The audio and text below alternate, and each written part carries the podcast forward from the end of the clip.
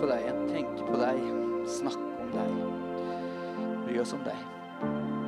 Jeg ber om at du skal hjelpe meg til å sette ord på de tankene du har gitt meg. At det ikke bare skal være ord, men at, du, at det er levende ord. Jeg ber om det i Jesu navn. Amen. Amen. Dere kan få lov til å sette dere ned. Eh, Så fint å se dere. Eh, Og takk til eh, bandet.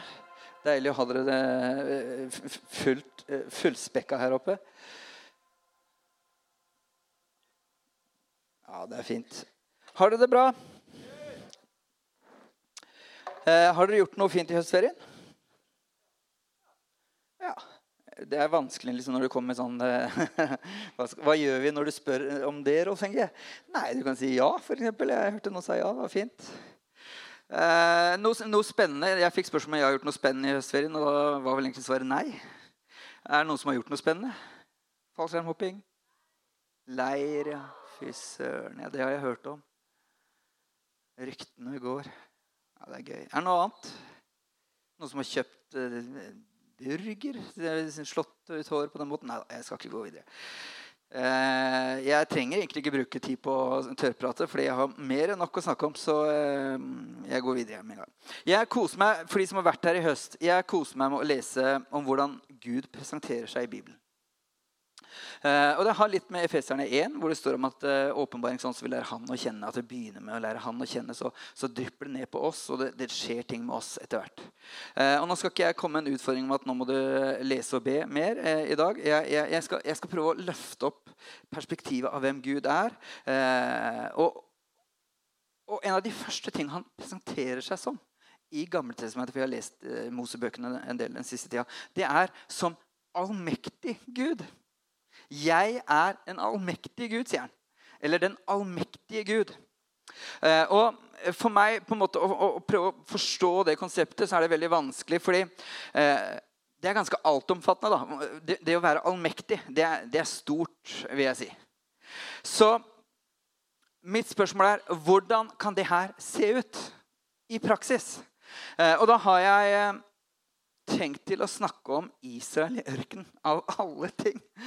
Eh, og forklare, komme med noen tanker ut ifra fra, fra den, den reisa som de hadde der. Og Jeg skal gi dere noe kontekst til å begynne med. Eh, det som hadde skjedd, eh, eller det, det er en 40 dagers reise. da. Nei, 40 dager. 40 års reise. Og, og det som skjedde, det var at Israel hadde vært slaver i Egypt. Eh, og så hadde Gud kalt Moses og sagt jeg skal fri mitt folk fra slaveriet. Og jeg skal gi dere et nytt land som dere kan blomstre og dere kan vokse og dere kan oppleve min velsignelse. Eh, og Det skjer jo på en ganske heftig måte. da. Først har du plagene. Det er ti plager. hvis du har lest om det i, i eh, andre Mosebok.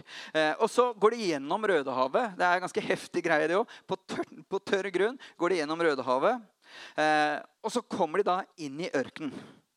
Eh, og så er det antallet her. altså det er liksom ikke sånn at eh, for jeg, Når du ser for deg her, så tenker du ja, det er en liten gruppe. liksom sånn En gjeng som eh, tusler gjennom mørken. Men det er ikke en liten gjeng. I fjerde Mosebok, i helt i første kapittel der, så står det om en folketelling. Altså De telte over hvor mange er det som er her. Hvor, hvor mange er i den gjengen her? Og da fant de ut at det var 600 000 mennesker. Og det var uten prestene og uten de som gjorde gudstjeneste. Og jeg tror faktisk det var uten kvinner og barn også. Det tallet er sannsynligvis veldig mye høyere. Men saken er at det tallet som de gir, det er 600 000. Og for å sette, Det er mye folk. Er dere enige? Og for å sette det i perspektiv Jeg sjekka opp hvor mange innbyggere som er i Oslo. Det er 600 000 ca. I 2014 var det to, nei, 634 000 innbyggere i Oslo. Så du kan si det er, det er en gjeng på, på, på omtrent samme størrelse som Oslos befolkning. Som tusler ut av Egypt og havner i ørkenen. Og du kan tenke deg at Det er en del logistiske eller logististiske eh, et eller annet, Det er et ganske fint ord. Eh, dere får eh, google det og så se hvordan det egentlig skal få Siri til å si det for deg. Men det er en del utfordringer knytta til hvordan de skal gjøre det her. ikke sant? Og enda en ting for å gi kontekst. Vi snakker ørken her. Og nå skal du se et bilde av Sinai-fjellet. Det er ganske, det er ganske tørt. Det er det de mener er Sinai-fjellet. Og jeg bare for moro skyld så tenkte jeg hvis jeg skulle vært på hotell der, åssen hadde det sett ut? Her er et hotell. det er i det området. 1500 kroner natta, så du, kan du bo der, folkens. Det er tørre greier. For når vi leser denne historien Ja, det var sikkert ikke så ille. Jeg vil si det er ganske ille. Desert Days heter det hotellet. Ørkendager. 1500 spenn for en natt. Ok, Det neste er at de var der i 40 år. Og det her er en ganske omfattende historie, og jeg, jeg, jeg ønsker ikke å forenkle det eller fordumme det. Eh, men det er noen ting jeg har lyst til å påpeke, rett og slett for å peke på Gud og hans storhet. Hvem han er, og hva han er i stand til. Og det første punktet er overskriften 'Fashion Statement'. Eh, og i 5. Mosebok kapittel 5, nei, kapittel 8 vers 5 så står det Som en oppsummering så sier de klærne du hadde på deg, ble ikke utslitt, og føttene hovnet ikke opp i disse 40 årene. Er ganske imponerende vers. Og det er egentlig et par ting i det her. da. Det ene er helsa. Han snakker om føttene, at de gikk i 40 år. Og de hadde ikke hovne føtter. Altså, Guds nåde og velsignelse var så altomfattende at han beskytta dem, han tok vare på dem og hjalp dem. Og Det er et ganske stort tema, så jeg skal ikke ta opp det nå. Det, det, det kommer jeg til å ta opp seinere i høst. Men, men, det jeg har lyst til å si noe om, det er at klærne ble ikke utslitt. Altså, tenk at den, Guds velsignelse for den gjengen her, den, den, den, slo ut i klærne deres.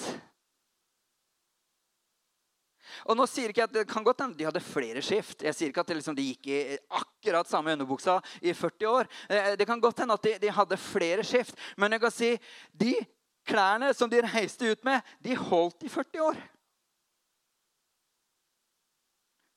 Det de hadde, holdt. Og som dere så på bildet, Det var ikke mye dyrkbar mark her. Og det her var før HM åpna butikker over hele verden. Så du kan si eh, det de hadde, det var det de hadde.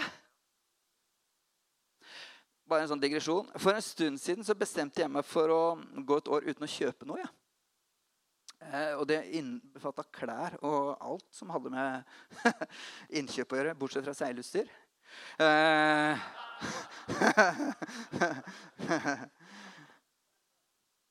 og eh, kanskje noe nødvendig til huset. Vi får se.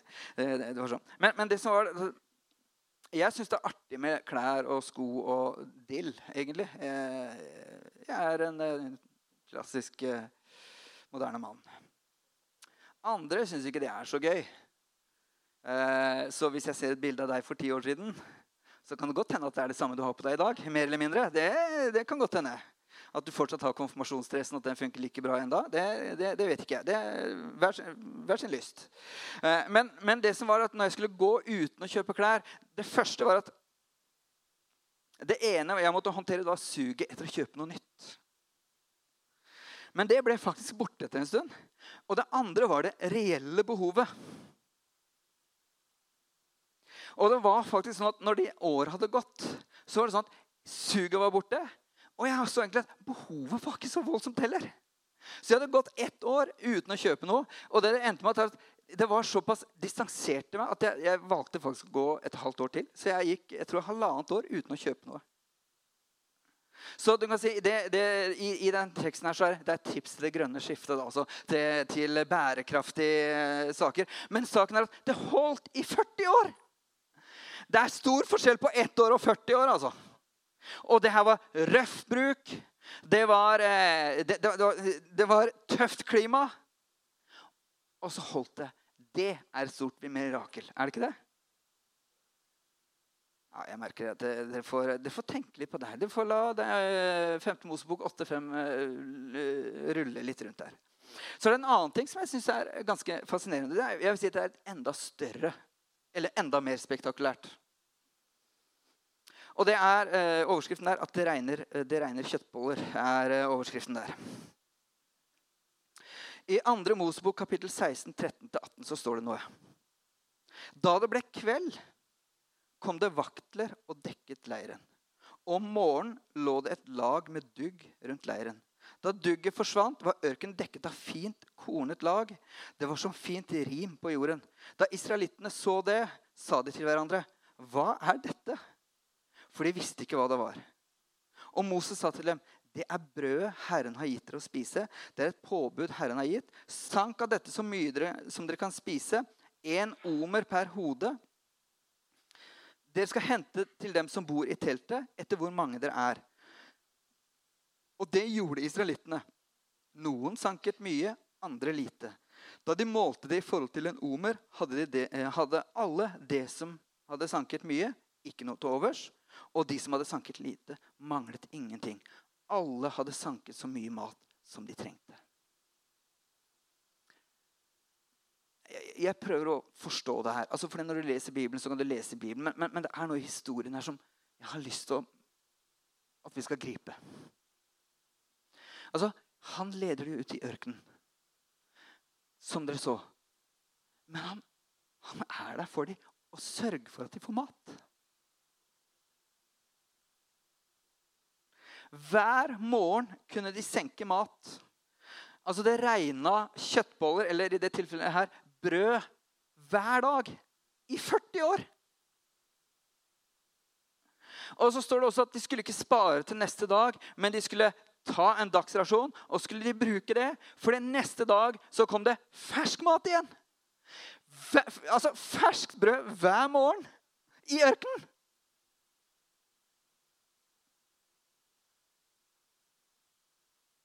Det brødet jeg spiste i dag til morgenen, var fra fredagen. var til informasjon. Og det artige er at hvis de oppbevarte brødet over til neste dag, så ble det dårlig. Det begynte å lukte vondt. De kunne ikke bruke det. Unntagen på fredagen. Da skulle de samle for to dager, fordi dagen etter så skulle de ha mat. Og det var sabbaten. Da skulle de ikke jobbe, men de skulle gi den eh, dagen til, til, Gud. Så to dager. Det funka to dager på fredag og lørdag. Ellers så var det ferskbrød. Og jeg har tenkt på hvor mye mat er det her egentlig? Og så har jeg begynt å regne litt på det. Og det er litt skummelt å gjøre. For du kan si, lese teksten sånn, det er veldig greit, men idet du begynner å få litt fakta inn på bildet, så utfordrer det deg litt. Oi, er det her mulig? Dette er stort. Eh, og én omer er ca. 3,6 liter. De målte det i liter, altså de hadde de samla det i krukker. 3,6 liter. Og hvis de var 600 000 mennesker, da, og ganger det med 3,6 liter, så er det 2 160 000 liter manna hver dag i 40 år.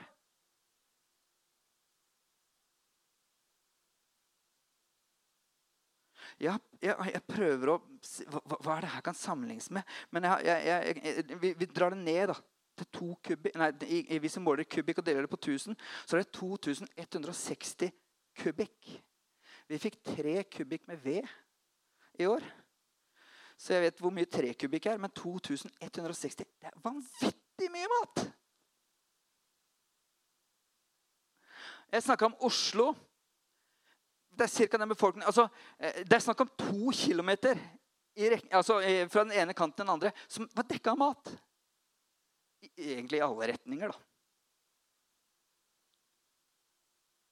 Og da er spørsmålet som du helt sikkert stiller meg nå, eller inni deg Tror du på det her, Rolf Inge? Ja, jeg tror på det. Jeg tror på det fordi det står i Bibelen, og fordi hele konseptet med Gud er at alt er mulig. Det er liksom ikke noen begrensning hos ham. Altså, hva, hva vi, hva, hvorfor tror vi på Gud hvis vi tenker at Nei, det er for vanskelig. Det blir for stort. Nei, vet du hva? Det regna mat hver dag over et stort område, sånn at de kunne sanke og hente det de trengte. Fordi Gud er en trofast Gud. Han leder dem gjennom ørkenen for å føre dem til det landet som han har tenkt å lede dem inn i. Det er ganske heftig. Det minner meg om eh, alle de hendelsene som Anna har. Hvor Gud har på en måte dukka opp når det har vært ørken i vårt liv. I økonomien. Jeg kunne kommet med så mange eksempler på hvordan Gud er trofast, og hvordan han overrasker. Det er én hendelse som jeg, jeg, har lyst til å bare nevne kjapt. Men det, vi, det var faktisk det er lenge siden, så Eh, ja, av en eller annen grunn så bruker jeg en eldre referanse her. men eh, det var når vi var rundt eh, alder med ungdoms... Eller Theodor og den gjengen der. på en måte. Så var vi på en konferanse et eller annet sted. Eh, jeg tror det var Sammen for Norge vi skulle være på. et eller annet sted, og det, Vi betalte og kom oss opp dit, men vi hadde jo ikke penger på kontoen. Altså, Vi reiste jo på lykke og fromme. Det var jo det vi stort sett alltid gjorde. Vi tenkte dette ordner seg på en eller annen måte. Så vi reiste opp dit. Var der, fikk mat og alt der oppe, og så skulle vi hjem igjen. Og hadde med oss folk i bilen. og Vi ville jo ikke si hvor dårlig det sto økonomisk med oss. Så vi tenkte vi bare la, vi lar, vi lar, den henge, på en måte. Eller, nei, vi lar ikke den henge. Det er ikke et tema. Vi, bare, vi later som ingenting. Så kjørte vi nedover. Jeg visste jeg hadde ikke fryktelig mye penger på kortet. Og så må vi ha bensin. Det var den gangen vi, det var bensin. Og så, så vi stoppa innom bensinstasjonen og tenkte ok, nå er det etter stengetid. Da er det kanskje datasystemene funker ikke sånn at jeg får sett liksom hvor mye jeg har på kontoen. kanskje det er, Så det, det, ordner seg. Så jeg fylte på pumpa og testa hvordan det gikk. Og så fikk vi fylt full tank. Og da tenkte jeg vi er jo sultne nå, tenkte jeg. så eh, skal vi, skal vi prøve hva som skjer der inne hvis vi kjøper noe mat. Og så tror jeg ikke det funka også. Og så kom vi hjem, og så fikk vi vite, for jeg tenkte nå har jeg, en, nå har jeg et etterslep her på den turen. Det må vi jo en eller annen måte få løst, da. Men i mellomtida så var det en eller annen engel som hadde satt 1500 kroner inn på kontoen vår. Uten at vi visste det. Og du kan si jeg tror at Gud er en Gud som sørger for oss. Jeg har erfart, eller Vi har erfart at han, han bryr seg om sine. Jeg holdt på å si bare, jeg, jeg vet ikke hvordan jeg skal si det. Han er allmektig. Så om han kunne forsørge Israel i ørken med brød 40 år, så tror jeg han kan fikse ting for deg òg. Han kan sende ravner, han kan sende jeg, hva som helst, egentlig. Overlatt det til han. Jeg sa det rene kjøttboller. Hvis du leser eh, historien der, så vil jeg si at faktisk så gjorde det det også. Det datt vaktler, vaktler ned, altså fugler, så de, fikk, de spiste ja, en form for kylling da en måneds tid. Det er ganske artig. Det er sjuk historie. Skal jeg, skal ikke holde på så lenge, for vi skal ha nattverd sammen. Så det er bare å glede seg. Men vet du hva jeg syns er det mest spektakulære i denne historien her?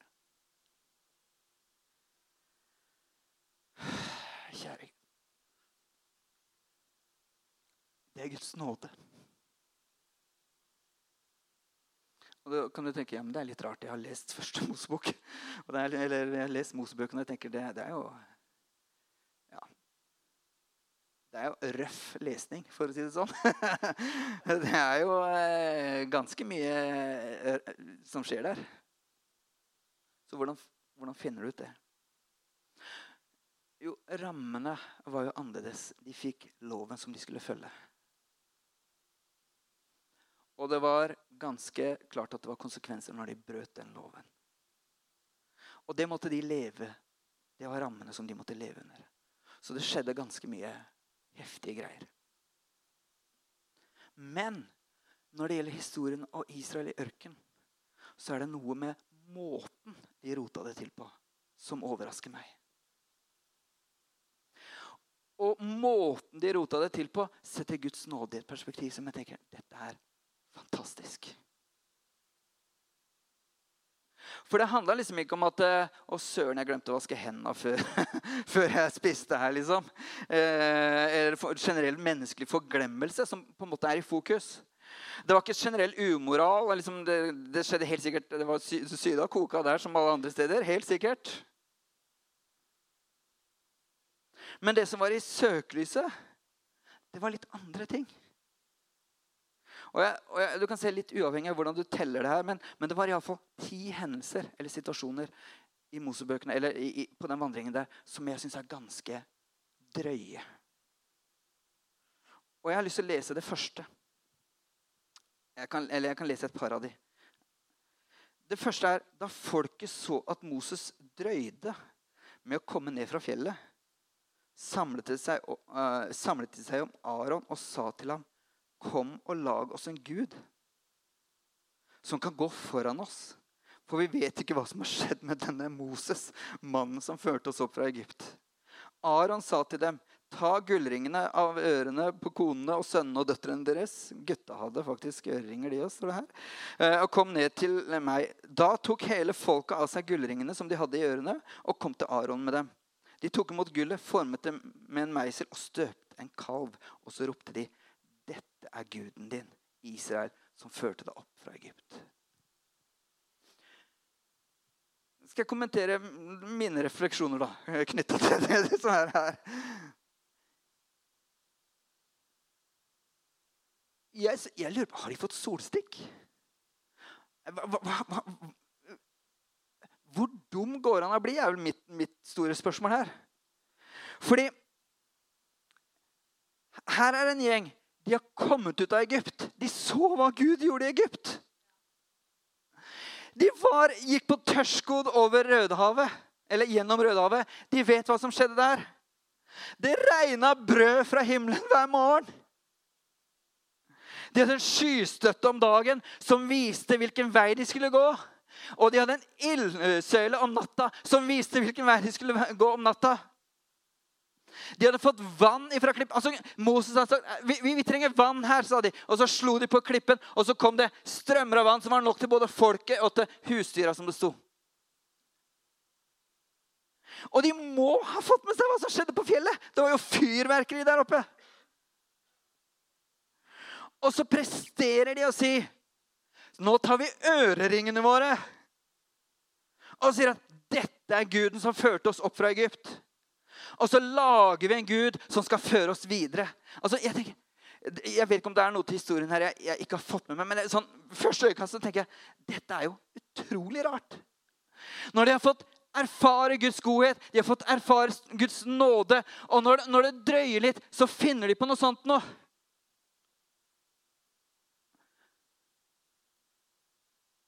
Etter alt de har vært med på. Den andre historien jeg skal ta med den også, og den kjenner dere. Det er speiderne som, til, eh, som ble sendt inn i, i, i, landet som de skulle til. Og når de kommer tilbake igjen, så sier de Så, så alle speiderne var helt enige om at dette er et bra land å flytte inn i. Dette er superbra. Alt er sånn som, hadde, som, som Gud har lovt oss. Det er fruktbart. Det er, det er liksom eh, grønne marker. og det er, liksom, det er, både for dyr og mennesker som kommer. Vi kommer til å ha det, det er kjempefint. Men så var det var tolv speidere. Eh, ti av de eh, mente at Men problemet er jo folka der. De er jo som kjemper, og de ser på oss som gresshopper. Så, så, så vi, ikke, vi må ikke finne på å gå inn dit. Faktisk Når du leser denne historien, kan lese det i kapittel 13 og 14 i 4. Mosebok, så, så, virker det som om de hadde en oppfatning om at Gud hadde lurt dem og, og, og, og en felle, satt en felle for dem. Altså, han har dratt dem ut av Egypt for å, for å la dem bli utrydda i det nye landet. Altså, ble, hvor har de det her fra?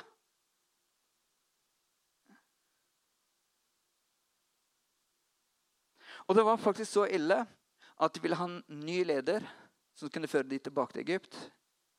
Og så sa de vi steiner Moses og resten av gjengen her som, som er positiv til det her.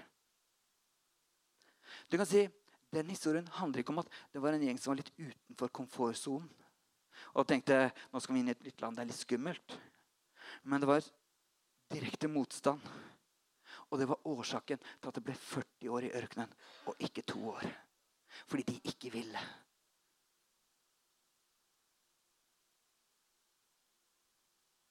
De vil ikke.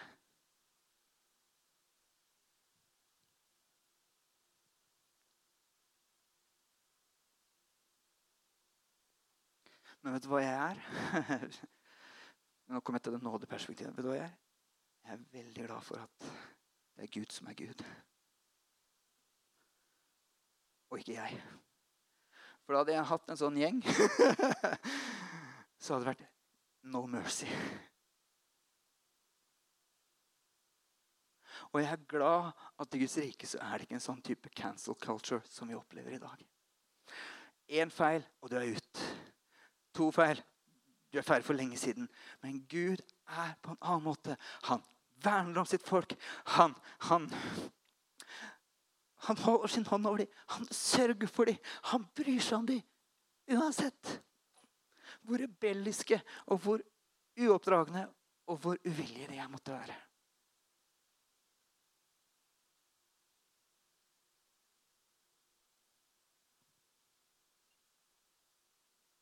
Han tok vare på dem.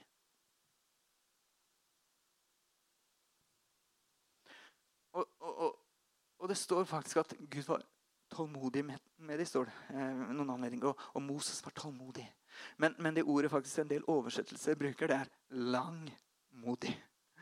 Altså, når, når, når, tålmodigheten er brukt opp, da går det over i langmodigheten. For den varer enda lenger. Altså, Den gir aldri slipp.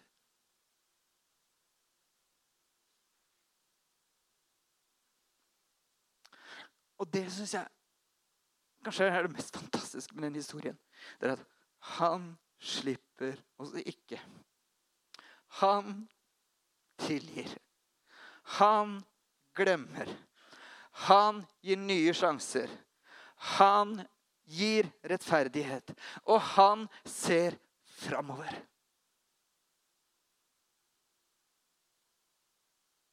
Han forlot ikke Israel. Han tok vare på dem. Og du kan lese dommernes bøker, du kan lese krønikebøkene, eller kongebøkene og krønikene. Du ser at det her var et mønster som var der hele tida. Det, altså det, det, det, det, er egentlig litt som meg, bare i enda, enda større svingninger, kanskje. Ja, jeg vil si det er større svingninger. jeg har ikke, sånne, jeg har ikke, de, de, jeg har ikke lagd noen gullkalv eller gjort noen sånne ting. Men det kan være andre ting. Og jeg tenker Guds nåde. Den holder alltid. Og jeg syns det er så oppmuntrende å se. Den har vært der hele tida. Den har vært der hele tida.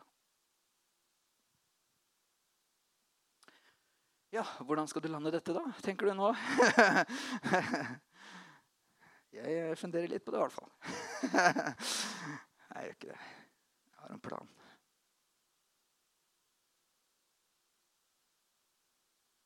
For det hotellet jeg nevner på eh, det der. Skal dere se utsikten fra kjøkkenvinduet der?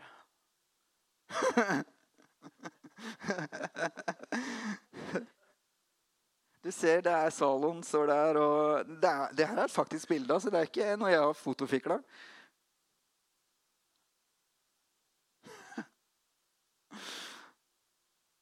Det kan godt hende du har den utsikten fra ditt kjøkkenvindu.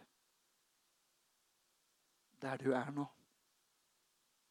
Og Grunnen til at jeg har den historien og tatt opp de punktene, det er fordi det er ingen hemmelighet at når Jesus døde, så døde han for at du og jeg skulle få liv. Han døde for at du og jeg skulle få fred. Han døde for å bli en del av vårt liv. For å kunne hjelpe, støtte, styrke, helbrede, forsørge og være der. Og det er så mange løfter i Gammeltestamentet som går over i Nyttestamentet, som sier at 'jeg skal la det blomstre i ørkenen'. Så uansett hvor tørt ditt åndelige liv måtte være, uansett hvor dyster din økonomi måtte være, uansett hvor vanskelig helsesituasjonen din måtte være, uansett hvor trøblete relasjonene dine måtte være, så er det håp. Det er liv i Jesus Kristus. For han døde for deg og meg for at det skulle forandres til noe fruktbart. For at livet ditt og mitt skulle få oppleve velsignelsen og gleden av hva han har å komme med.